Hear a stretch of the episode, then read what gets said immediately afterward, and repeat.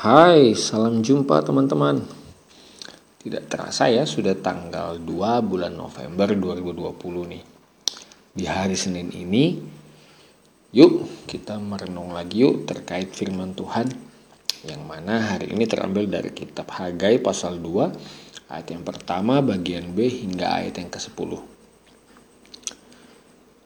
Pembacaan Alkitab kita mengisahkan tentang pembangunan bait Tuhan namun kakak ingin mencoba menggunakan perumpamaan nasi goreng. Pasti di antara teman-teman ada yang pernah masak nasi goreng. Ketika pertama kali mau masak nasi goreng, ada beberapa hal yang pasti menjadi tantangan kita untuk memulai masak nasi goreng tersebut kita pasti berpikir aduh bisa nggak ya?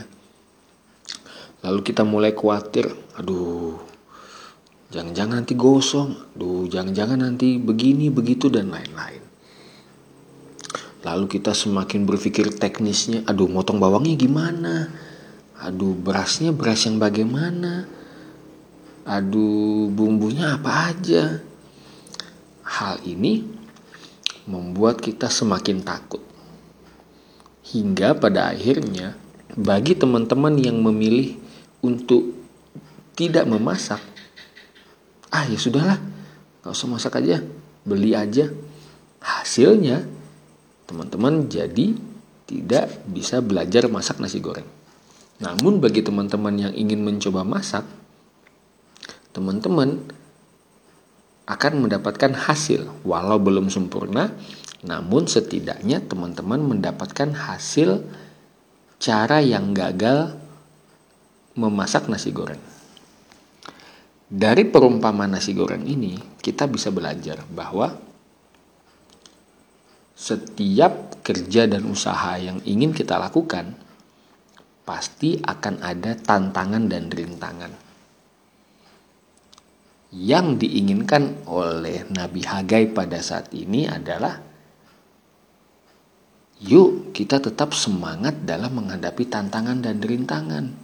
Bagaimana kak caranya? Ayo mulai sekarang kita libatkan Tuhan nih. Dengan cara berdoa dulu sebelum kerja dan usaha kita lakukan, sebelum belajar, sebelum olahraga, sebelum beraktivitas apa pun itu, mari kita mulai dengan berdoa. Kita mohon kepada Tuhan agar mendapatkan kekuatan sehingga ketika menghadapi tantangan dan rintangan kita mampu nih untuk menghadapinya. Hari ini Tuhan ingin mengingatkan kita bahwa